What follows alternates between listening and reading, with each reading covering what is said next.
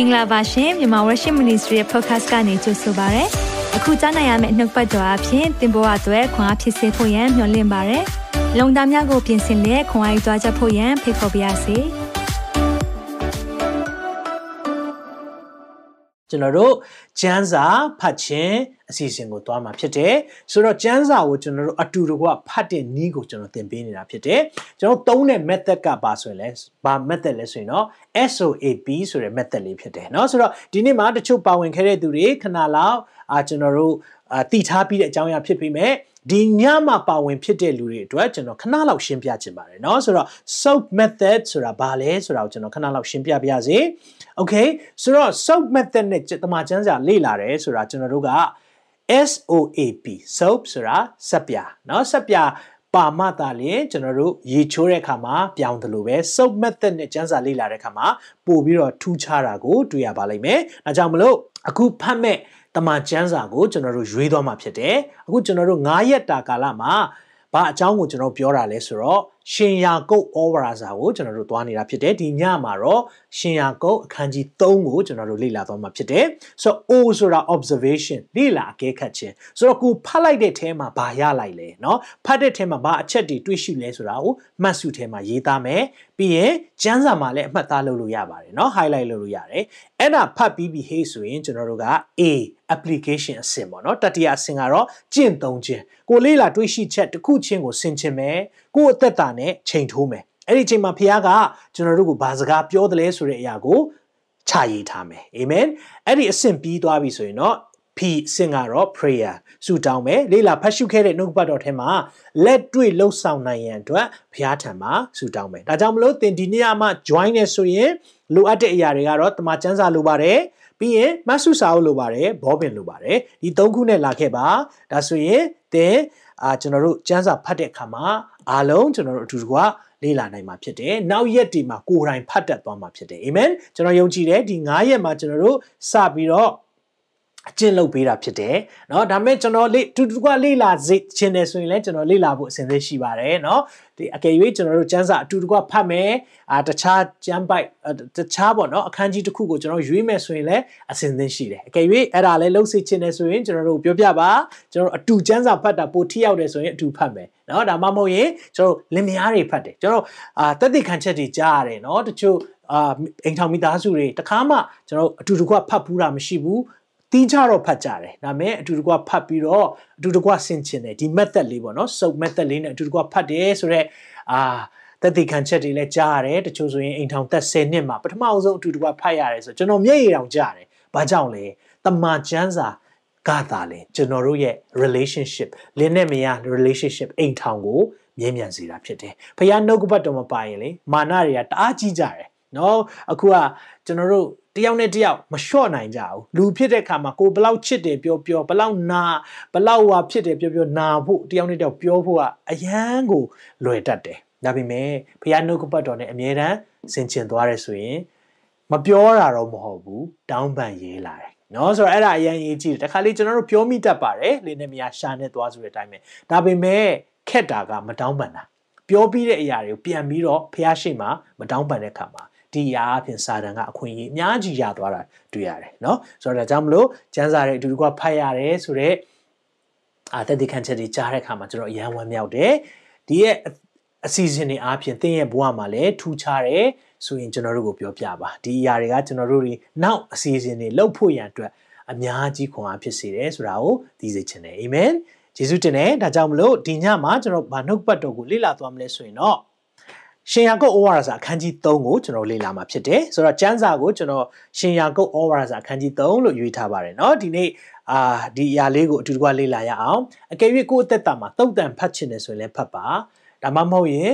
ရှင်ယောဟန်ဖတ်ချင်တယ်ဆိုရင်လည်းဖတ်ပါကိစ္စမရှိဘူးမာသေဖတ်ချင်တယ်ဆိုရင်လည်းဖတ်လို့ရတယ်เนาะဆိုတော့ observation ဒုတိယအဆင့်ကတော့တွေးရှိချက်များဒါကကျွန်တော်တွေးရှိချက်တွေကိုရေးသားဖို့ဖြစ်တယ်ကျွန်တော် ကျွန်တော်အတွက်တော့ထူးခြားတာပါလဲဆိုရင်နှုတ်ကပတ်တော်ဖတ်ခြင်းတဲ့ရေးခြင်းကပူပြီးထိရောက်တာအောင်မြင်ရတယ်ဆိုတော့ကိုတွေးရှိတဲ့အရာတွေကိုချရေးတဲ့အခါမှာဩပုံမှတ်မိသွားတယ်เนาะဒါကြောင့်မလို့ကျွန်တော်ယုံကြည်ပါတယ်ဒီညမှာလည်းကျွန်တော်တို့ဒါကိုလုပ်သွားမယ်ပြီးရင် application တတိယအဆင့်ဘာတွေကိုလက်တွေ့ကျင့်သုံးမလဲ အဲ့ဒါကိုကျွန်တော်တို့ချရေးရအောင်ပြီးရင်ကျွန်တော်ခဏလောက်အချိန်ပေးခြင်းတယ် maybe ကျွန်တော်တို့10မိနစ်လောက်အာဒီအရာလေးကိုဖတ်ပါ เนาะဆိုတော့ဖတ်ပြီးရင်ကျွန်တော်တို့ရေးပါတစ်ချက်ရရနှစ်ချက်ရရအနည်းဆုံးတော့ကျွန်တော်တို့အာနှစ်ချက်လောက်တော့အဲ့ထဲကနေတခန်းအခန်းကြီးတစ်ခန်းကနေခွန်အားရတဲ့အရာအချက်နှစ်ချက်လောက်တော့ကျွန်တော်တို့မှတ်သားစေချင်ပါတယ်လို့เนาะဒါကြောင့်မလို့ခဏလောက်အာကျွန်တော်တို့အချိန်ယူရအောင်ကျွန်တော် music လေးဖွင့်ပေးပါမယ်เนาะ music ကျွန်တော်တော့ဖတ်တဲ့အချိန်တိုင်းမှာကျွန်တော် music လေးအမြဲတမ်းဖွင့်ထားလေးရှိတယ်ဘာလို့လဲဆိုတော့ကိုယ်စိတ်ကိုစုစည်းစေတယ်เนาะဒါပေမဲ့ကျွန်တော်ဟို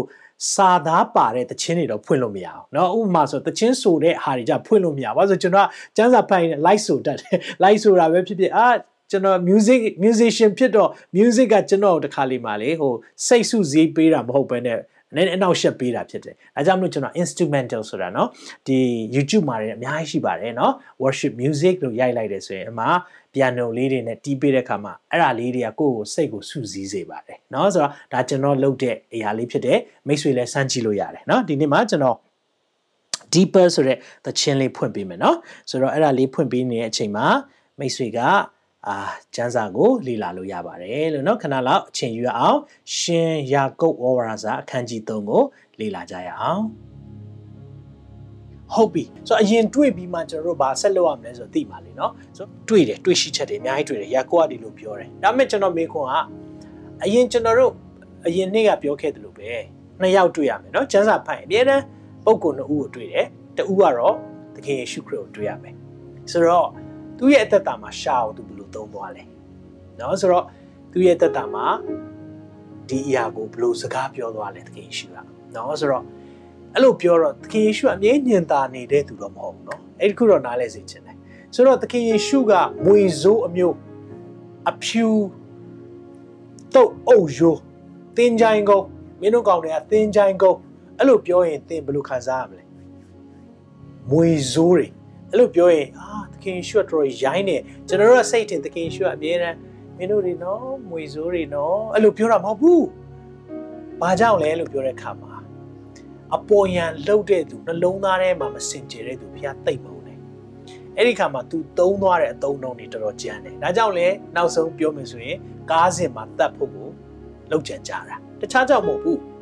သူ့ရဲ့ပြောဆိုတဲ့အရာတွေเนาะဒါကြောင့်တစ်ခါလေကြာရင်ကျွန်တော်တို့က စကားတဲ့ပြောတဲ့လူတွေသိမကြိုက်တတ်ဘူးကျွန်တော်တို့ကိုပြုတ်ပြင်ပေးတဲ့လူအထူးသဖြင့်ကိုယ့်ရဲ့အားနည်းချက်ကိုပြုတ်ပြင်ပေးတဲ့လူဆိုရင်မကြိုက်ချင်ဘူးတော့ကျွန်တော်ဒီအကြောင်းနဲ့ဆက်လေ့လာရအောင်เนาะငယ်ဆက်ခွန်ထဲမှာသွေးဆောင်လွယ်တယ်ဆိုတော့ခေါင်းမမာတာကိုပြောတာเนาะဆိုတော့သွေးဆောင်လွယ်ဆိုတော့ခေါင်းမာတယ်ကျွတ်ခေါင်းအရမ်းမာသွေးဆောင်လို့မရအောင်ဆိုတော့တိုက်တွန်းလို့မရအောင်သွားရအောင်လို့မသွားဘူးเนาะလှုပ်ရအောင်လို့မလုပ်ဘူးလာခဲ့ပါဆိုမလာဘူးဆိုတော့သွေးဆောင်လွယ်တယ်ဆိုတာနည်းနည်းပြောပြတယ်ပြောဆိုတယ်ဆိုရင်ကောင်းတယ်အဓိကတော့ ပြောချင်တာခေါင်းမာတာကိုပြောတာเนาะဆိုတော့ခေါင်းမာတဲ့လူအဲသွေးခေါင်းသွေးဆောင်တယ်ဆိုတော့ခေါင်းမမာတဲ့လူလို့ပြောတာဖြစ်တယ်เนาะ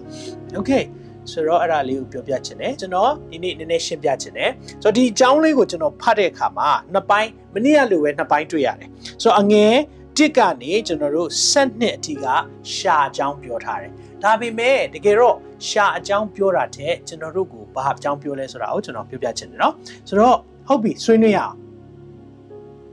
ဆိုတော့ကျွန်တော်တွေ့တာကကျွန်တော်တကယ်တွေ့တာက3ပိုင်းတွေ့တယ်ဆိုတော့အငယ်တစ်ကနေ၄ကတင့်ရှာရဲ့အရှင်သင်ခင်ကဘာလို့လဲနော်အဲ့ဒါအရင်အရေးကြီးတယ်ဆရာများကိုပို့ပြီးစစ်ကြောစီရင်မယ်ဆိုတော့ဆရာလို့ပြောတဲ့အခါမှာကျွန်တော်တို့လူတွေပေါ့အမှုတော်ဆောင်တွေဆရာလုပ်တဲ့သူတွေကစကားအများကြီးပြောရတယ်လေသူများအများကြီးတုံတင်ရတယ်လေအဲ့လိုလုပ်တဲ့သူတွေကပို့ပြီးတော့စင်ချင်ခံရမယ်ပို့ပြီးတော့စီရင်ခံရမယ် ဘုရားရဲ့ပေတန်းကျွန်တော်တို့ပုံမှာပို့ပြီးတော့ဒီအရာကကြီးမားတယ်ဒါကိုနားလည်ထားဖို့ဖြစ်တယ်เนาะကျွန်တော်လည်းကျွန်တော်ရဲ့ပြောဆိုမှုတွေကိုတနေ့ကျရင်သခင်ယေရှုရှေ့မှာဖြေရှင်းရမယ်သူတပားတွေကိုစစ်တဲ့စံနှုန်းတက်ပူပြီးကျွန်တော်စံနှုန်းပုံမြင့်ပြီးတော့ခံရမယ်ဒါဖခင်ပြောထားပြီးသားအဲကြောင့်မလို့အမှုတော်ဆောင်များကိုပြောတဲ့စကားမှာဟုတ်ပြီကိုဟုတ်မဟုတ်ပြီကိုမဟုတ်ဖြစ်စေဖို့လိုတယ်အဲ့လိုဖြစ်တဲ့အခါမှာတင်းကိုမကျင်တတ်တဲ့သူလည်းရှိပါလိမ့်မယ်တင်းကိုမကြိုက်တဲ့သူလည်းရှိပါလိမ့်မယ် ် ဒါပေမဲ့ဖခင်နှလုံးသားကိုအခြေခံပြီးချစ်တယ်ဆိုရင်တော့ပြောဆိုဆုံးမဖို့လိုတယ်အာမင်အဲကြောင့်မလို့မူရဆောင်များပါတယ်ဆိုရင်ခွန်အားပေးခြင်းနဲ့ကိုကဆရာလုပ်တယ်ဆိုရင်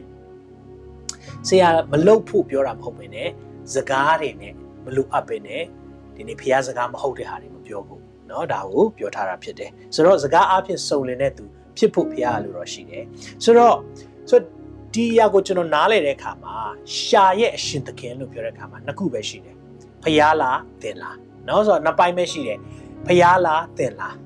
ဆိုတော့ဖျားသခင်ကတင့်ရှာရဲ့အရှင်သခင်ဖြစ်တယ်ဆိုရင်တင်ပြောတဲ့စကားများတင်အလေးထားပါလိမ့်မယ်ဒါကျွန်တော်ရလိုက်တဲ့အချက်ပဲဆိုတော့ကျွန်တော်ရဲ့ရှာရဲ့သခင်ကဘယ်သူလဲတင်ရဲ့ရှာရဲ့သခင်ကဘယ်သူလဲတင်ဆိုရင်တော့တင်ကြိုက်တာပြောတော့မှာလေဒါပေမဲ့ဖျားဖြစ်တယ်ဆိုရင်တော့တင်ရှာရဲ့အရှင်သခင်ကဖျားဖြစ်တယ်ဆိုရင်တော့တင်ပြောတဲ့အရာတိုင်းမှာစင်ကျင်တော့မယ် ပြောတဲ့အရာတိုင်းမှာအရေးမကြီးတဲ့ဟာတွေမလိုအပ်တဲ့ဟာတွေမပြောတော့ဘူးတကယ်ကိုထာဝရကာလနဲ့သက်ဆိုင်တဲ့အရာတွေပဲလူကိုပြောတော့မယ်လူတွေစိတ်ကြည်နပ်ဖို့ပပလေးဆက်ဆံတာတွေအဲ့ဒါတွေလုပ်တော့မှာမဟုတ်ဘူး။ဘာကြောင့်လဲအချိန်သိမ်းမရှိတော့ဘူး။နောက်ဆုံးသောကာလရဲ့နောက်ဆုံးသောအပိုင်းကိုရောက်နေပြီ။ဒီအချိန်မှာခရစ်တော်ပြန်လာတော့မယ်။ဒါကြောင့်မလို့လှုပ်ဖို့ကကျွန်တော်တို့ကလူတွေကိုချော်လိုက်နော်လှုပ်လိုက်နဲ့တွားနေရပါတယ်။စကားပြောချူတာကောင်းပါတယ်။ဒါပေမဲ့စကားပြောချူတာတဲ့နှလုံးချူဖို့လိုတယ်။အာမင်။ဒါကိုကျွန်တော်သိရတယ်။ တော့ဒါကျွန်တော်ရဲ့တွေးရှိချက်ဖြစ်တယ်။ဒါကြောင့်မလို့ကျွန်တော်ဒီလိုမြင်တယ်။တကယ်ပြဿနာကရှာမဟုတ်ဘူး။နှလုံးသားဖြစ်တယ်။ပြန်ပြောမယ်နော်။တကယ်ပြဿနာကရှာမဟုတ်ဘူးနှလုံးသား။ဘာကြောင့်လို့ပြောတာလဲလို့ပြောတဲ့ခါမှာ online မှာအခုချိန်မှာ Facebook မှာအကြီးအကျယ်မှုတော်ဆောင်တွေဝေဖန်တဲ့အဖွဲ့တွေရှိတယ်။အကြီးအကျယ်ရေးတဲ့အဖွဲ့ရှိတယ်။ဒါဆိုသူတို့ရှာကိုသုံးလား။မသုံးဘူး။သူတို့ရှာတစ်ချက်မှပါဇက်မဖွင့်ဘူး။မသုံးဘူး။ဒါပေမဲ့ သူတို့ပြောလိုက်တဲ့အရာတွေကရေလေလူတွေကို ထိခိုက်စေတဲ့အရာတွေဖြစ်တယ်။အင်မတန်မှလူတွေကိုရှုံချတဲ့စကားတွေလူတွေရဲ့အားနည်းချက်တွေ personal လားအလုပ်လားမခွဲတတ်ဘူးပြောတဲ့အားတွေအများကြီးတွေ့ရတယ်အဲ့လိုပြောမယ်ဆိုရင်ဘယ်သူဆုံးလဲမှာလဲဟုတ်တယ်နော်ဆိုတော့အဲ့ဒါမျိုးတွေကိုပြောနေတဲ့အဖွဲ့တွေရှိတဲ့ခါမှာဒါဆိုမေခွန်းကသူတို့ရှာကိုသုံးလားတစ်ချက်မှမသုံးဘူးဘာပဲသုံးလဲ keyboard သုံးသွားတယ်လက်ကွက်နဲ့သုံးသွားဒါဆိုရင်ရှာအဓိကလားနှလုံးသားအဓိကလားနှလုံးသားအဓိကရှာမကောင်းတာမဟုတ်နှလုံးသားမကောင်းတာနှလုံးသားမကောင်းတဲ့အခါမှာအဲ့ရှာကသုံးသုံးမသုံးသုံးလူတွေကိုထိခိုက်စေတယ်သူတို့ရေးလိုက်တဲ့စကားတွေနောက်တချို့တွေကစကားတစ်ခုမှမပြောဘူးဒါပေမဲ့အယမ်းကိုစိတ်ထိခိုက်အောင်လုပ်တဲ့သူတွေအများကြီးရှိတယ်နော်ဆိုတော့ဒါကြောင့်မလို့ စကားများများပြောစရာမလိုတခါလေကြာရင်လေအာအဖွဲ့စည်းမှာပဲဖြစ်ဖြစ်သင်းတော်တွေထဲမှာပဲဖြစ်ဖြစ်တခါလေအမူအရာပြလိုက်တာတင်ကိုမထီမဲ့မြင်ပြုတဲ့အရာအများကြီးတွေ့ရတယ်နော်စကားတော့တခွန်းမှမပြောဘူးဒါပေမဲ့အမူအရာမပြတာတွေအမူအရာနဲ့ပြရတာအများကြီးရှိတယ်အဲကြောင့်ကျွန်တော်မြင်တာကတော့ရှာဒီကမဟုတ်ဘူးဒီအခန်းမှာပြောတာတော့ရှာကျွန်တော်တို့ရှာဆရာတွေလည်းနှုတ်ပတ်တော်ဟောရင်ရှာအကြောင်းအများကြီးပြောတယ်ဒါပေမဲ့ကျွန်တော်ကအဲ့ထက်လေးနဲ့တောင်မြင်တယ်ရှာဒီကမဟုတ်ဘူးနှလုံးသားဒီကဖြစ်တယ်ဒါကြောင့်မလို့ ကျွန်တော်နှုတ်ဘတ်တော်တစ်ခုဖတ်ချင်တယ်မဿဲ20 35နဲ့39မှာဒီလိုပြောတယ်ကောင်းသောသူသည်ကောင်းသောစိတ်နှလုံးပန္နာထဲတိုက်ထဲကကောင်းသောအရာကိုထုတ်ဖော်တတ်၏မကောင်းသောသူသည်မကောင်းသောပန္နာတိုက်ထဲကမကောင်းသောအရာကိုထုတ်ဖော်တတ်၏ငါဆိုသည်ကလူတို့သည်အကျိုးမဲ့သောစကားကိုပြောသမျှအတွက်တရားဆုံးဖြတ်သောနေ့၌စစ်ကြောခြင်းကိုခံရကြလက်တံ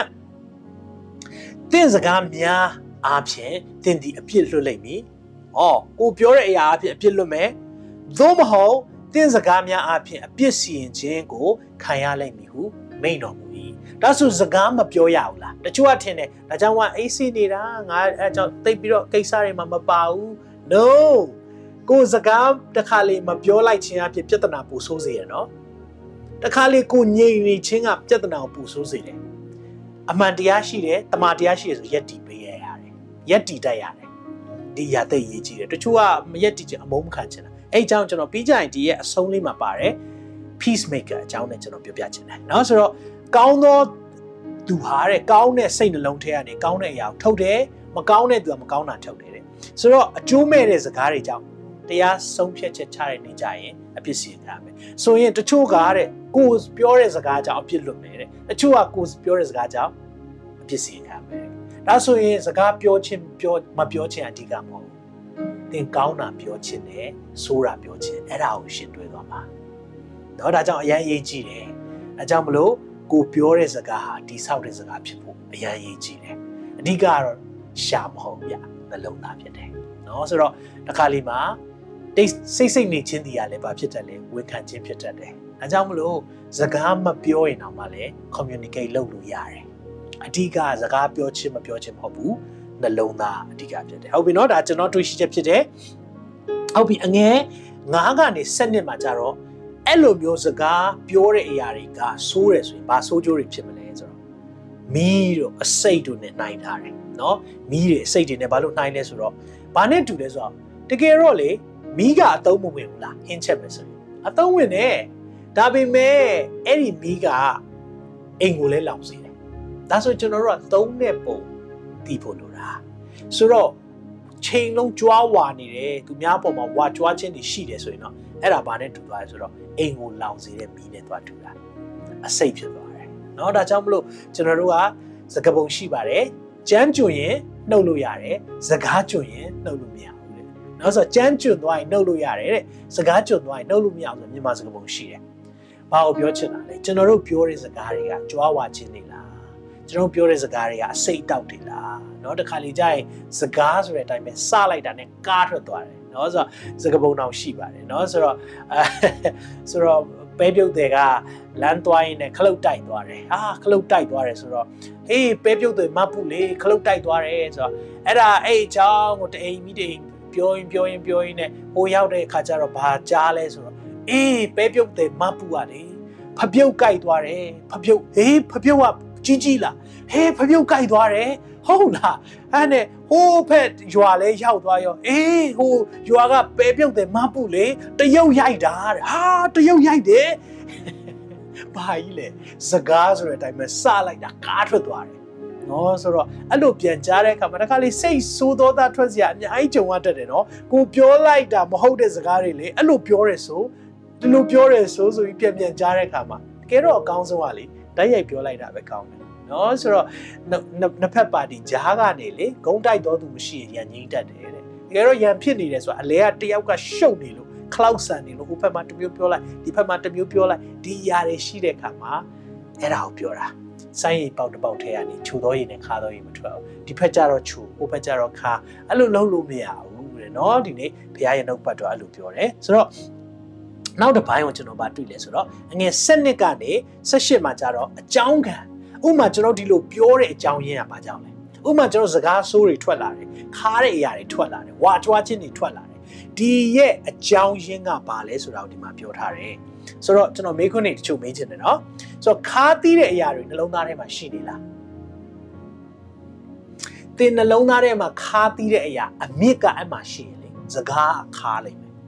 ဟန်တော့ဆောင်လို့ရတယ်ခဏတော့ပြောလို့ရတယ်ဒါပေမဲ့ရေရှည်မရဘူးကိုရှိမှပဲနော်ကျွန်တော်လည်းမကြာခဏကြုံရပါတယ်ကိုရှိမှစကားလာပြောတဲ့ခါကျရင်တော့ချိုးတယ်ဒါပေမဲ့တစ်ဖက်ကပြန်ကြားတဲ့ကြရင်အမြဲခါနေတယ်ဘာလို့ဆိုနှလုံးသားလေအဓိကနှလုံးသားလေဆိုတော့နှလုံးသားမမှန်တဲ့ခါမှာတော့အရန်အဲ့ဒီຢာတွေတွေ့ရတယ်နောက်ဂုံပြိုင်ခြင်းတွေများလားရန်တွေ့ခြင်းတွေများရှိနေလားနော်ပြိုင်ဆိုင်ဖြစ်လာပြီဟေ့ဆိုရင်တော့ဒါတွေဖြစ်တယ်ဒါကြောင့်ကျွန်တော်ပြောပြချင်တာ အဲ့ဒီရှာကအဓိကမဟုတ်အဲ့အကြောင်းရင်းကလေဒါဆိုရင်ကျွန်တော်တို့ကရှာကအဓိကဆိုရင်နော်စကားမပြောဘဲနဲ့ပြဿနာတွေအများကြီးပါကြောင်တက်ကြတယ်စာတွေရေးကြတယ်နော်အမျိုးမျိုးပေါ့နော်မထီမဲ့မြင် action နဲ့ပြတဲ့အရာတွေအများကြီးရှိတယ်ဒါတွေကကျွန်တော်တို့ပြဿနာတွေအများကြီးဖြစ်စေတယ်အဲကြောင့်ကိုဒီလိုအကြောင်းရင်းတွေဘာကြောင့်ဖြစ်လဲဆိုတော့အထဲဒီအမြစ်ကိုနှိုက်ရအောင်နော်အမြစ်ကိုသွားကြည့်တဲ့အခါမှာတင့်ထဲမှာခါသီးချင်းရှိရယ် ဂုံပြိုင်ခြင်းရှိရယ်ရန်တွေ့ခြင်းတွေအထဲမှာရှိနေတော့စကားမှာမြင်ထွက်လာလိမ့်ရှိတယ်เนาะဒါကြောင့်မလို့သင်ပြောတဲ့စကားကလောကထံကပညာလားဘုရားထံကပညာလားဒီအရာကိုချိန်ထိုးရအောင်เนาะဆိုတော့ကိုကเนาะအငယ်78เนาะဒီအကြောင်းလေးကိုကျွန်တော်ပြောပြီးတော့အာဒီအရာလေးကို wrap up လုပ်ရအောင်เนาะဆိုတော့အသင့်အတင့်နေခြင်းကပြုစုတတ်သောသူတို့သည်ဖြောင့်မတ်ခြင်းတရား၏မျိုးစေ့ကိုငြိမ်သက်စွာကျဲတတ်တယ်ဆိုတော့အဲ့ဒီရဲ့အရာ peacemaker နဲ့ peacekeeper နှစ်ခုကွာတဲ့အကြောင်းလေးကိုပြောပြချင်တယ်เนาะဆိုတော့ peacemaker နဲ့ peacemaker နဲ့ peacekeeper ဘာကွာလဲဆိုတော့အသင့်အသင့်နေခြင်းကိုဖြစ်စေတဲ့သူเนาะဒီမှာကျမ်းစာအားဆိုရင်အသင့်အသင့်နေခြင်းကပြုစုတတ်သောသူဆိုတာ peace maker လို့သုံးတယ်ဒါပေမဲ့တစ်ဖက်မှာ peace keeper တွေလည်းရှိတယ်ဆိုတော့ငြိမ်သက်ခြင်းကို keep ထားတဲ့လူတွေငြိမ်ငြိမ်လေးပဲနေတယ်တိတ်မပေါအောင် ဟိုဖက်လည်းမပေါအောင်ဒီဖက်လည်းမပေါအောင်စကားပြောရင်တော့နားထောင်ပေးတယ်အရင်နားထောင်ပေးတယ်ဆိုတော့နားထောင်ကောင်းတယ်သူတို့ကနားထောင်တယ်ကျန်းစာနဲ့လည်းညီတာအောင်နော်နားထောင်ပေးတယ်ဒါပေမဲ့အဲ့ဒီလူတွေက peace maker မဟုတ် peace keeper ဆိုတော့ပြောလိုက်ရင်အာသူနဲ့ပြောလိုက်ရင်ငြိမ်သက်ခြင်းပြတ်သွားမယ်ဟိုဘက်ကိုပြောလိုက်ရင်လည်းငါနဲ့သူ့ကြားမှာရှိတဲ့ငြိမ်သက်ခြင်းပြတ်သွားမယ်အဲ့လိုရှိတဲ့အခါမှာလူကလေငြိမ်ငြိမ်ပဲနေချင်တယ်အဲ့လိုနေတာတကယ်တော့လေ peace keeper ဖြစ်တယ် peace maker မဟုတ် ဆိုတော့ဥပမာပေးမယ်ဆိုတော့ American နိုင်ငံက Hiroshima ကိုเนาะ Second World War ဆိုကျွန်တော်တို့ဒုတိယကမ္ဘာစစ်တုန်းကနောက်ဆုံးသူကဘယ်ဘသူဘာအနေနဲ့ဝင်လာလဲဆိုတော့ peace maker အနေနဲ့ဝင်လာတာအဲ့လိုပြောတော့ဘလို့ peace make လုပ်လိုက်လဲသိလားနောက်ဆုံးလေသူလှုပ်လိုက်တာကဂျပန်ကိုဘုံကျဲလိုက်တယ်ပြီးသွားတယ်စစ်အားလုံး peace making ဖြစ်သွားတယ်ငြိမ်သွားတယ်ဒါပေမဲ့ American မဲ ဗီယက်နမ်ကိုသွားတိုက်တဲ့အခါမှာသူတို့က peace maker အနေနဲ့သွားမတိုက်ဘဲနဲ့ peace keeper အနေနဲ့သွားတဲ့အခါမှာရှုံးပြီးပြန်လာရတယ် American နဲ့ Vietnam စစ်အကြောင်းပြောရင်သူတို့တအားခံရခဲ့တယ်ဘာလို့လဲလို့ပြောတဲ့အခါမှာ peace making လုပ်တဲ့အခါမှာတခါလေမှာအမှန်တရားပေါ်မှာရက်တည်တယ်မျိုးစိကျဲရတဲ့အခါမှာလေကိုကိုမုံကောင်းလဲမုံလိုက်မယ်ဒါပေမဲ့အမုံခံရဖို့လိုတယ်ဆိုတော့အဲ့လိုပြောတဲ့အခါမှာကိုကခုနနှုတ်ပတ်တော်နဲ့ပြောတဲ့အရာ စကားများများမပြောနဲ့ပြောတာမဟုတ်ကိုပြောတဲ့စကားတိဆောက်เสียဖြစ်ဖို့လိုတာကိုပြောတဲ့စကားကယဉ်ငိမ့်ခြင်းစကားဖြစ်ဖို့လိုတာဆိုတော့ဟိုဘက်ကလည်းစူနေပြီဒီဘက်ကလည်းစူနေပြီကိုကငြိမ်နေတာအဲ့ဒါယဉ်မငြိမ်စေတကယ်တော့ဆိုတော့ကိုယ့်ရဲ့နော်မြင်တဲ့အရာလေးတွေကိုနှစ်ဖက်အမြင်လေးတွေကိုအမြဲတမ်းကြည်တတ်ဖို့လိုတယ်နော်ဆိုတော့ဒါကြောင့်မလို့အသင့်အတင့်နေခြင်းကပြုစုတတ်တဲ့သူဟာတဲ့ဘာပြောလဲဆိုတော့ဖြောက်မှတ်ခြင်းတရားရဲ့မျိုးစေ့ကိုငြိမ်သက်စွာကျဲတယ် နော်ဆိုတော့မျိုးစေ့တော့ကျဲဖို့လိုတယ်ငြိမ်သက်စွာကျဲတတ်ဖို့တော့လိုတယ်ဆိုတော့မကျဲထားရတဲ့ keep ထားရဲဆိုတော့အဲ့ဒါ peace keeping လုပ်ထားတာနော်ဒီနေ့ကျမ်းစာကကျွန်တော်တို့ကိုဘာပြောပြထားလဲဆိုတော့ဒီနေ့မှာကျွန်တော်တို့ရှာရှာအကြောင်းတွေအများကြီးပြောတာတကယ်တော့ရှာတဲ့အထင်းနှလုံးသားဖြစ်တယ်အဲ့ဒီအထင်းနှလုံးသားကနေတကယ်အရင်မြစ်ကဘာထွက်လာတယ်လဲ အဲ့ဒီအရင်မြစ်ကိုပြုပြင်ဖို့လိုတယ်ဒါကြောင့်မလို့ကျွန်တော်ငယ်73ဖတ်ပြီးတော့ဆုံးသတ်ခြင်းနဲ့သင်တို့တွင် အတက်အလိမ္မာနှင့်ပြည့်စုံသောပညာရှိသစုံတစ်ယောက်ရှိလင်ထိုသူသည်ပညာဤနူးညံ့သိမ်မွေ့ခြင်းနှင့်တကွကောင်းမြတ်ခြင်းကြင်ကြံပြုမှုခြင်းအပြင်မိမိအမှုတို့ကိုပြပါစေအာမင်ဆိုတော့ဒီအရာလေးကအကယ်၍ကျွန်တော်တို့မှာပညာရှိတဲ့လူတွေရှိတယ်ဆိုရင်နူးညံ့သိမ်မွေ့ခြင်းနဲ့ကောင်းမြတ်ခြင်းပြုမှုကြင်ကြံခြင်းလိုတယ်နော်အဲ ကြောင့်မလို့ငြိမ်သက်ခြင်းမျိုးစေ့ကိုခြေတက်တဲ့သူတွေဖြစ်ဖို့လိုတယ်အဲကြောင့်ဒီအရာလေးကိုကျွန်တော် wrap up ပြန်လုပ်တဲ့အခါမှာဘာတွေ့ရလဲဆိုရင်အသင့်အသင့်နေခြင်းကိုပြုစုသောသူတို့သည်ဖြောက်မှတ်ခြင်းတရားရဲ့မျိုးစေ့ကိုငြိမ်သက်စွာခြေတက်တယ်ငွေဆက်ရှင်မှာတွေ့ရတယ်ဆိုဟုတ်ပြီဒါဆိုကျွန်တော်ဒီအရာတွေဘယ်လို apply လုပ်မလဲအသက်တာမှာဘယ်လိုလုပ်ဆင်ခြင်မလဲဟောကျွန်တော်ဖတ်လာပြီးရှာအကြောင်းလဲတွေ့တယ်အကိုကိုသိတယ်အော်တစ်ချိန်မှာဖျောက်ချီးမွမ်းလိုက်တစ်ချိန်မှာလူတွေကိုချိန်ဆဲလိုက်ဒီဟာတွေအများနဲ့လုံနေတာပဲလေ ဒါဆိုရင်ဒါကအဓိကလားမဟုတ်ဘူးနှလုံးသားအဓိကဒါဆိုရင်ကျွန်တော်တို့က apply ဘယ်လိုလုပ်မလဲဟုတ်ပြီကျွန်တော်အတွက်တော့ဒီယာကုတ်အခန်းကြီး3ကိုဖတ်တဲ့အခါမှာကျွန်တော်ဆင်ခြင်မိတဲ့အကြောင်းအရာ၃ချက်ရှိတယ်အဲ့ဒါပါလဲဆိုရင်ကိုရှာရဲ့အရှင်သခင်ကိုဖျားသခင်ဖြစ်ထားရင်လိုအပ်တယ်ဒါကျွန်တော်အတွက်နော်ဆိုတော့မိတ်ဆွေရဲ့ဆူတောင်းချက်နဲ့ကျွန်တော်ချက် apply လုပ်တာနော်ကျင့်သုံးတာတူချင်မှတူမယ်ဒါပေမဲ့ဖခင်ကကိုယ့်ကိုပါစကားပြောလေဒါပေမဲ့ကျွန်တော်နားလည်လိုက်တယ်ကိုရှာရဲ့အရှင်သခင်ကဖခင်ဖြစ်ဖို့လိုတယ် ဖခင်ထိမ့်ပေးဖို့လိုတယ်ဘာလို့ဆိုကျွန်တော်တို့ကစကားနဲ့အမြဲတမ်းလူတွေကိုထိတွေ့ဆက်ဆံရတဲ့သူဖြစ်တယ်လေနော်ဆိုတော့စကားအမြဲတမ်းပြောနေရတယ်အခုဆိုလဲကျွန်တော်စကားပြောတာအာတနားကြီးကြော်နေပြီစကားပြောတဲ့အခါမှာစကားထစ်တဲ့အချိန်လဲပါမယ်စကားလုံးမှားသွားတာလဲပါမယ်ကိုပြောလိုက်တဲ့အခါမှာမရည်ရွယ်ပဲနဲ့တမျိုးကြားသွားတာလဲဖြစ်နိုင်တယ်အမျိုးမျိုးဖြစ်နိုင်တယ်ဒါကြောင့်မလို့ကျွန်တော်အမြဲတမ်းဆုတောင်းတယ်ကိုယ့်ရဲ့ရှာရဲ့အရှင်သခင်ဟာကိုတော်ပဲဖြစ်ပါစေအဲ့ဒါကိုကျွန်တော်ကအာ အဓိကဒီထဲမှာရလိုက်တယ်နောက်တစ်ခုကျွန်တော်ရလိုက်တာကနံပါတ်1မှာတကယ်တော့ပြဿနာကရှာမဟုတ်ဘူးတဲ့နှလုံးသားဖြစ်တယ်ဒါကြောင့်အတွင်းနှလုံးသားကိုပြုပြင်ရမယ်ခါတီးချင်းဂုံပြိုင်ချင်းရန်တွေ့ချင်းတွေကိုအရင်ဆုံးကြိုက်တွေ့ရမယ်တဲ့ကြည်အောင်နော်ဆိုတော့ကျွန်တော်ဒါကိုကျွန်တော်အာငါငါပါဇက်ကဘာလို့ရှာဒီလိုထွက်လဲဒီလိုစကားတွေထွက်လဲတကယ်တော့အထဲမှာခါတာလေ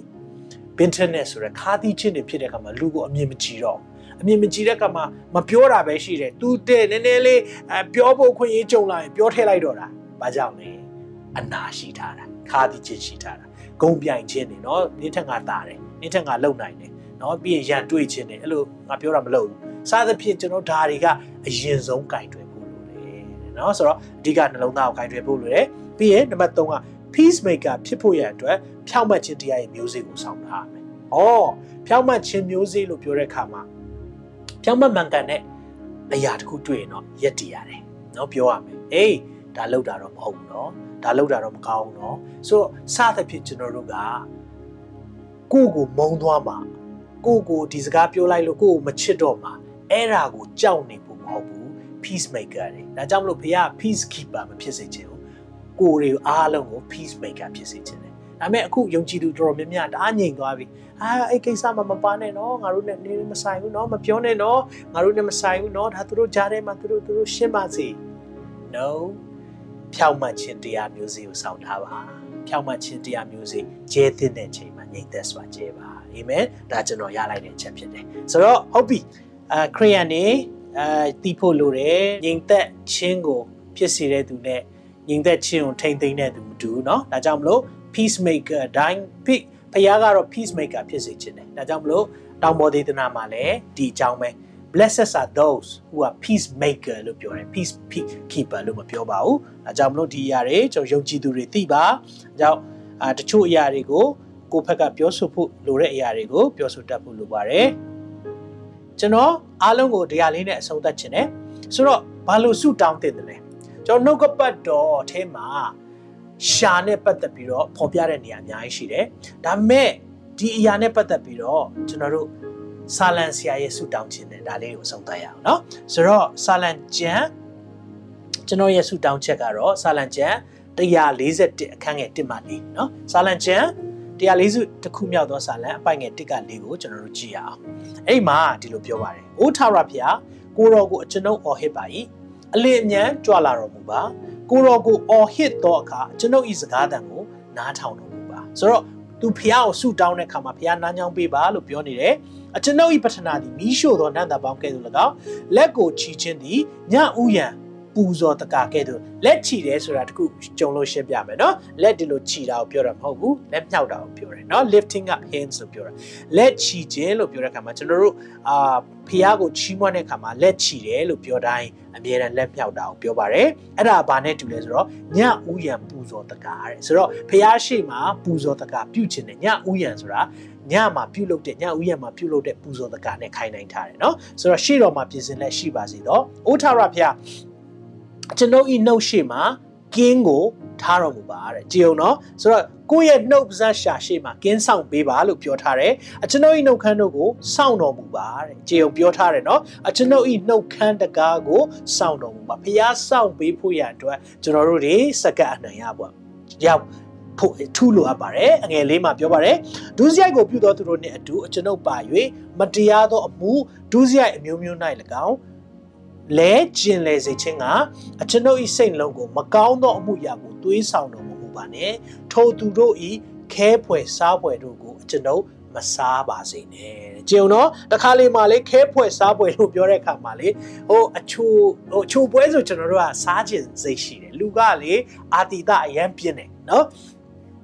ချိုပွဲတွေ့ပြီဆိုရင်ကျွန်တော်တို့က ice cream တို့ chocolate တို့เนาะတခြားလူတွေတော့မသိဘူးကျွန်တော်တို့အဲ့လိုချိုပွဲလေးတွေเนาะ apple pie တို့ဒါမျိုးတွေတွေ့ပြီဆိုရင်အရင်စားခြင်းတယ်ဒါပေမဲ့ဒီမှာခဲပွဲစားပွဲကိုဘာနဲ့သွေးဆောင်ထားဘာနဲ့ပြောထားလဲဆိုတော့ဒီဒူးစရိုက်အမျိုးမျိုးမှာကျင်လဲတာတော့အဲ့ဒီမကောင်းတဲ့အမှုအရာတွေမှာသွေးဆောင်ဆိုတခါလေလေကျွန်တော်ထိုင်စကားပြောရင်းနဲ့လေဘာမှရည်ရွယ်ချက်မရှိပေမဲ့လေပြောရင်ပြောရင်ပြောရင်နဲ့အစတော့ဆူတောင်းခံချက်တင်ပြတာပြောရင်ပြောရင်နဲ့အတင်းပြောတဲ့ပွဲကြီးဖြစ်သွားရော အဲ့လိုဖြစ်သွားတတ်တယ်။ဘာနဲ့တူလဲဆိုတော့အဲ့ဒါခဲပွဲစားပွဲ။နော်ဆိုတော့တကယ်ကိုဒီအရာတွေသွေးဆောင်ခြင်းတွေလာတဲ့ခါမှာဒုစရိုက်တွေပြုတ်တဲ့သူတွေနဲ့တဲ့ခဲပွဲစားပွဲဆိုအဲ့ဒါတွေကိုသွားပြီးမစားမိပါစေနဲ့တဲ့ကြည့်အောင်နော်ဆိုတော့ဒါဒါကဆာလန်ဆရာကဒီလိုမျိုးဆူတောင်းတယ်ဒါကျွန်တော်တို့လည်းဆူတောင်းတဲ့ချက်ဖြစ်တယ်ဖျားရှင်ကိုတော့ကျွန်တော်တို့နှုတ်ကိုကင်းဆောင်ပေးပါကျွန်တော်နှုတ်ခမ်းကိုစောင့်တော်မူပါတဲ့နော်သူကလို့ဆူတောင်းတယ်ဒီနေ့အကြောင်းကျွန်တော်တို့ရဲ့အသက်တာမှာ အရေးကြီးတာဒီနေ့ယာကုပ်ဩဝါဒစာထဲမှာရှင်ယာကုပ်เนาะရှင်ယာကုပ်ကကျွန်တော်တို့ကိုဘာပြောလဲဆိုရင်ဒီအရာတွေနှုတ်နဲ့ပတ်သက်တဲ့အရာတွေ ਨੇ မားမှာဆိုလို့ကျွန်တော်တို့သတိပေးတယ်ဒါမဲ့တစ်ချိန်တည်းမှာပဲအဲ့ဒါကပါဇက်ကဖြစ်တာမဟုတ်ဘဲねအထဲကလာတဲ့အရာဖြစ်တယ်ဆိုတာကိုလည်းသူနှစ်ပိုင်းကိုခွဲခြားပြီးတော့ရေးသွားတယ်เนาะဒါကြောင့်မလို့အငယ်1ကနေ7နှစ်ဒီရှာနဲ့ပတ်သက်ပြီးတော့ ရှာအကြောင်းရဲ့စိုးကျိုးတွေအကြောင်းသူပြောသွားတယ်ပြီးရင်73ကနေ78မှာကြာတော့သူကဘာပြောသွားလဲဆိုတော့အဲ့ဒီလိုစကားတွေထွက်လာတာဟာကျွန်တော်တို့အထက်အတွင်းနှလုံးသားကလိုအပ်ချက်ရှိလို့ဖြစ်တယ်။ဂုံပြိုင်ခြင်းတွေရန်တွေ့ခြင်းတွေနဲ့ခါးသီးခြင်းတွေရှိနေတာဖြစ်တယ်ဆိုတဲ့အရာကိုပြောတယ်။ဒါကြောင့်အထက်အရက်မှတက်ရောက်တဲ့ပညာဟာရှေးဥစွာစင်ကြယ်တယ်။ထိုမှတပါအသင့်သင့်နေတတ်တယ်။ဖြင်းညင်းသောသဘောရှိတယ်။သွေးဆောင်လွယ်တယ်။ယူနာနဲ့၎င်းကောင်းကျိုးနဲ့၎င်း ပြည့်စုံတယ်။လစ်လူသောစိတ်ရှိတယ်။လှုပ်ဝက်ခြင်းနဲ့ကင်းစင်တယ်။သင့်သင့်နေခြင်းကိုပြုစုစေတယ်။အာမင်။ဒါဒီကိုမြင်တဲ့အခါမှာ16နဲ့18က solution ဖြစ်တယ်။เนาะဒီနေ့ကျွန်တော်အကြောင်းမှာဒီနေ့အထက်အရက်ကပညာကိုတောင်းခံရအောင်။ဒါကြောင့်ကျွန်တော်ဆုတောင်းပေးခြင်းနဲ့ကျွန်တော်လည်း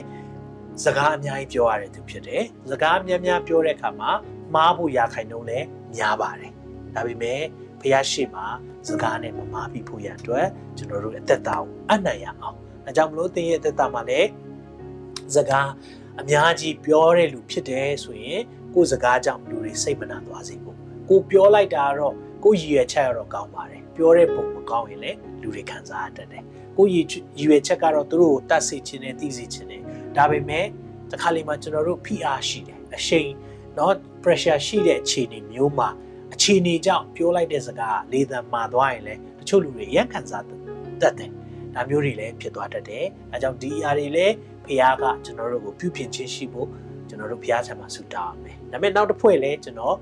ဆူတောင်းပေးခြင်းတယ်။အဲ့ဖွဲ့ကတော့ peacekeeper တွေ။ဘာမှမပြော။အမှန်တရားတွေ့လည်းမပြော။ဖြောင်းမှချင်းမျိုးစေ့လည်းမကျဲခြင်း။နော်တွေ့နေတယ်။အဲ့လိုလူတွေလည်းဖះရှိမှဆက်ကပ်ပါ။တခါလေးမှကိုတခွန်းလေးပြောချင်းကိုတခုခုလှုပ်လိုက်တာငါငါတို့ဆက်ဆံရေးပြတ်သွားမလားမဟုတ်ဘူးမပြောတာပူပြက်စီတယ်ခါလေးကြရင် မလှုပ်လိုက်တာပူပြီးအားမလို့အားမရဖြစ်စေတယ်အဲကြောင့်အဲ့လိုမျိုးလူတွေလည်းရှိတယ်ဆိုရင်ဒီနေ့ဖျားရှိမှာကိုတော့မှန်ကန်တဲ့စကားနဲ့ဖြောင့်မတ်ခြင်းတရားရဲ့မျိုးစေ့ကိုငြိမ်သက်စွာကျေးတတ်တဲ့သူဖြစ်ဖို့မှစားပါ။တိုင်ထားတဲ့သူမဟုတ်တော့ကျေးတဲ့သူ။တနည်းအားဖြင့်ကိုယ့်ရဲ့ပြောလိုက်တဲ့အရာလူတွေအသက်တာတိဆောက်တော်သူတွေဖြစ်ဖို့လိုအပ်တယ်။ဒါကြောင့် peacemaker ဖြစ်ဖို့ဆုတောင်းရအောင်เนาะဒါအရင်အရေးကြီးတယ်။နောက်ပြီးရင်ကိုယ့်ရဲ့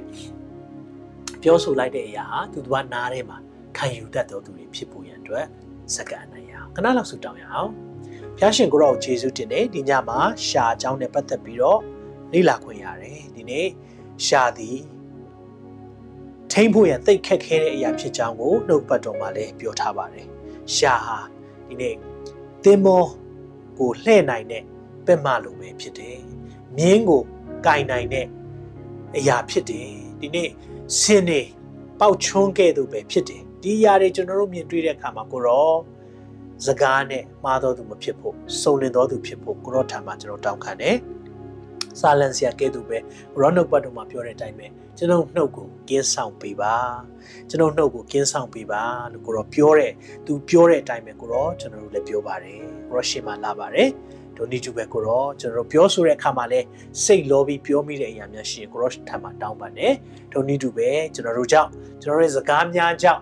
လူတွေစိတ်ထိခိုက်သွားတဲ့အရာများစိတ်နာသွားတဲ့နှလုံးသားများရှိခဲ့တယ်ဆိုရင်လေဒီနေရာမှာယေရှုနာမ၌ကျမ်းမာခြင်းကိုပြန်လည်ကြီးညာတယ်ကိုရောဖျားရှင်ဒီအရာအဖြစ်သူတို့ရဲ့သက်တာမှာ healing ဖြစ်စေပါနှုတ်ပတ်တော်အဖြစ်ပြန်လည်ပြီးကျမ်းမာစေပါဂျေဇုတင်တဲ့ဒူဒီ၎င်းမဲ့ကိုရောဒီ peace keeper များအတွက်လည်းဆုတောင်းပါတယ်အခါလေးမှာကိုကငြိမ်သက်ခြင်းတွေ keep လုပ်ထားမိတယ်ထိမ့်သိမ်းထားတဲ့အခါမှာမပြောဖြစ်ပဲနဲ့ထိမ့်သိမ်းသူပဲဖြစ်နေပြီးတော့ဒီ နေ့ peace maker peace make တဲ့အခါမှာတော့တစ်ခါလေးမှာပြောတဲ့စကားပြောရတော့မယ်ကိုရောဒါကြောင့်မလို့တချို့လူတွေအတွက်လည်းဆုတောင်းပေးတယ်ရဲရင့်တဲ့သဘောပေးပါကိုတော့ပေးထားတဲ့ဉာဏ်ပညာတွေဒီနေ့ပြောတဲ့အရာတွေပြောလိုက်ရင်ကောင်းပါမလားလို့ထင်ပြီးတော့ပြောတဲ့ပြောထိုက်တဲ့စကားကိုပြောတဲ့အချိန်မှာပြောတတ်ပါပြီကြောင်း peace keeper များကိုလည်း peace maker ဖြစ်လာဖို့ကိုတော့ကောင်းချီးပေးပါယေရှုတင်နေပါညီသက်ချင်းမျိုးစေ့ကိုကျဲတဲ့ခါမှာလေ ကိုတော့အလိုတော်အတိုင်းကျဲတတ်ပါပြီကြောင်းမစားပါယာကုပ်ခန်းကြီးတော့ငယ်ဆက်ခုမှာကိုတော့ပြောတဲ့အတိုင်းပဲအထက်အရက်မှာတက်ရောက်တဲ့ပညာကိုကျွန်တော်တောင်းပါတယ်ဒီနေ့ကျွန်တော် online မှာကြည့်နေကြတဲ့သူရောက်စီတိုင်းပုံမှာလည်းဒီအထက်ရက်မှပညာကိုတောင်းပါတယ်ရှေးဥစွာစင်ကြယ်၏ထိုမှတပါအသင့်သင့်နေတတ်၏ဖြင်းညင်းသောသဘောရှိ၏သွေးဆောင်လွယ်၏ဂယုဏနှင့်၎င်းကောင်းကျိုးနှင့်၎င်းပြည်စုံ၏လစ်လူသောစိတ်ရှိ၏လှုပ်ဝက်ခြင်းနှင့်ကင်းစင်၏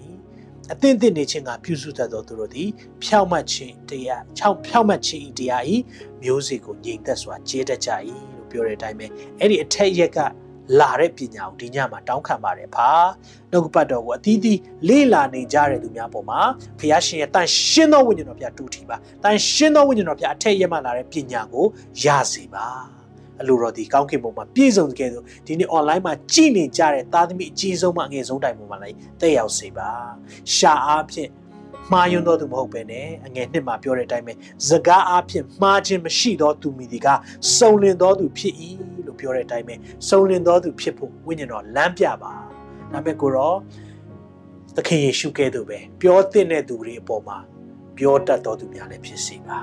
ပြောသင့်ပြောထိုက်တဲ့သူတွေပြောဖို့လိုအပ်တဲ့သူတွေဖာရီရှဲတွေကြက်တက်ပုဂ္ဂိုလ်တွေပေါ်မှာကိုတော့ပြောတယ်လို့ပဲကျွန်တော်တို့တွေလည်းဒီအချိန်မှာပြောတော့ရဲရင်တော်သူများလည်းဖြစ်စေပါမမှန်ကန်ခြင်းကိုတွေးတဲ့အခါမှာလည်းလက်ရှောင်သွားတဲ့သူမဟုတ်ပဲねပြောတဲ့သူများဖြစ်စေပါဂျေဇုတင်နေပါနာမတော်ကိုချီးမွမ်းနေဒီနေ့ပို့ဆောင်တဲ့အရာအလုံးနဲ့ဂျေဇုတင်နေ online မှာကြည်နေတဲ့သားသမီးများပေါ်မှာလည်းနှုတ်ပတ်တော်တာ၍လေ့လာတတ်ဖို့ရန်အတွက်ဟိုတော့တွင်တင်ပေးပါစကားပြောပေးပါ ဂျေဇုနဲ့ကိုတော်ပေါင်းချီးမွမ်းရေးသားတော်မြတ်ယေရှုနာမ၌ဆုတောင်းဆက်ကပ်ပါ၏ပါအာမင်အာမင်အမန်ကြီးမတဲ့ဖောက်လက်ခုပ်တီးကုန်ပြရရင်ဟာလေလုယာဟာလေလုယာတင်ခုလိုနာဆင်ခွန်အားနိုင်ခြင်းဟာမြန်မာ Worship Ministry ကိုလာဆင်ပန်ပိုးနေကြတဲ့ Kingdom Partners များအကြောင်းဖြစ်ပါတယ်။ဖျားခင်နိုင်ငံတော်ကျယ်ပြန့်ရေးအတွက်လာဆင်ပေးကမ်းပောင်းဖို့ရန်ဖိတ်ခေါ်လိုပါတယ်ရှင်။